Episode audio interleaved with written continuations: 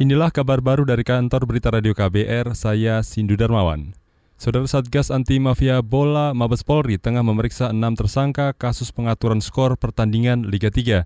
Keenam tersangka itu ditangkap Senin kemarin. Juru bicara Mabes Polri Argo Yuwono mengatakan mereka disangka terlibat pengaturan hasil akhir pertandingan antara Perses Sumedang melawan Persikasi Bekasi yang digelar 6 November lalu. Ada penangkapan di Liga 3, eh, ada enam tersangka ya, sudah diamankan dan sementara sedang diperiksa di Polda Metro Jaya. Nanti lengkapnya nanti biar Polda Metro Jaya merilis ya. Juru bicara Mabes Polri Argo Yuwono menambahkan enam tersangka itu ditangkap di rumahnya masing-masing. Mereka terdiri dari unsur wasit, manajemen dua klub, perantara hingga Komisi Penugasan Wasit PSSI Jawa Barat. Dari hasil penyelidikan, pengurus Persikasi diduga menyuap perangkat wasit agar klub sepak bola Bekasi itu bisa menang. Adapun laga antar kedua klub dimenangkan Persikasi dengan skor 3-2. Kita beralih ke soal lain. Komisi Pemberantasan Korupsi KPK memperpanjang masa penahanan ex-ketua DPRD Tulung Agung, selengkapnya bersama reporter KBR Mutia Kusuma Wardani.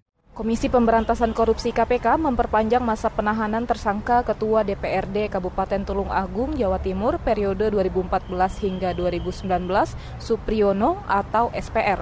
Berdasarkan keterangan tertulis juru bicara KPK Febri Diansyah, perpanjangan masa penahanan yang bersangkutan sejak tanggal 27 November 2019 hingga 5 Januari 2020. Supriyono merupakan tersangka terkait kasus suap pengadaan barang dan jasa di pemerintah Kabupaten Tulung Agung tahun anggaran 2018. Diketahui sebelumnya Supriyono diduga menerima uang sebesar 4,8 miliar rupiah selama periode 2015 hingga 2018 dari Bupati Tulung Agung saat itu, yaitu Syahri Mulyo.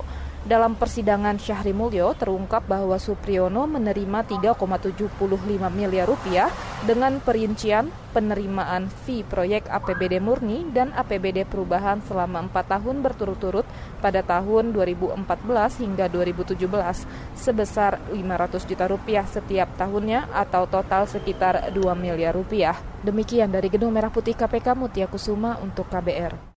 Saudara pemerintah didesak segera meratifikasi konvensi internasional soal penghilangan paksa. Direktur Koordinasi LSM HAM Kontras, Ferry Kusuma mengatakan, ratifikasi ini merupakan bentuk perlindungan negara atas warganya dari tindakan penghilangan paksa.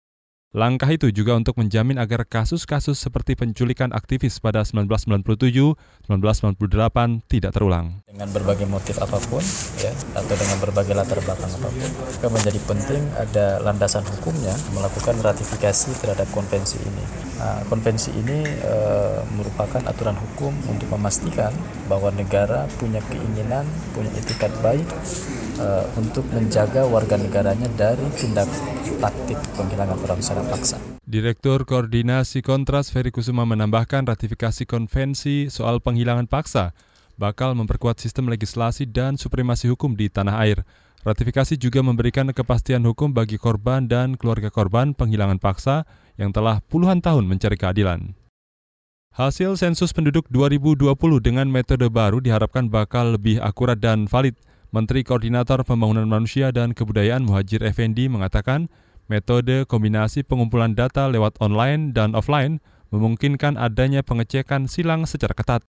Hal itu diungkapkan Muhajir pada acara penandatanganan nota kesepahaman dan komitmen dukungan sensus penduduk 2020 yang digelar Badan Pusat Statistik BPS hari ini. Jadi saya berharap nanti dengan metode kombinasi yang diterapkan tahun ini tahun untuk sensus yang tahun yang ketujuh ini tahun 2020 itu betul-betul bisa diterapkan apa yang disebut dengan teknik triangulasi. Jadi untuk melakukan cross check data sehingga nanti data yang melalui online, data yang offline itu bisa tidak harus sendiri-sendiri tapi bisa disaling cross check. Menko Pembangunan Manusia dan Kebudayaan Muhajir Effendi meminta petugas sensus bekerja profesional dan bertanggung jawab Pasalnya kredibilitas hasil sensus dan institusi BPS menjadi taruhannya. Sensus ini menelan anggaran hingga 4 triliun rupiah dengan alokasi terbesar untuk biaya pelatihan dan transportasi petugas sensus yang mencapai 300-an ribu orang. Demikian kabar baru dari kantor Berita Radio KBR, saya Sindu Darmawan.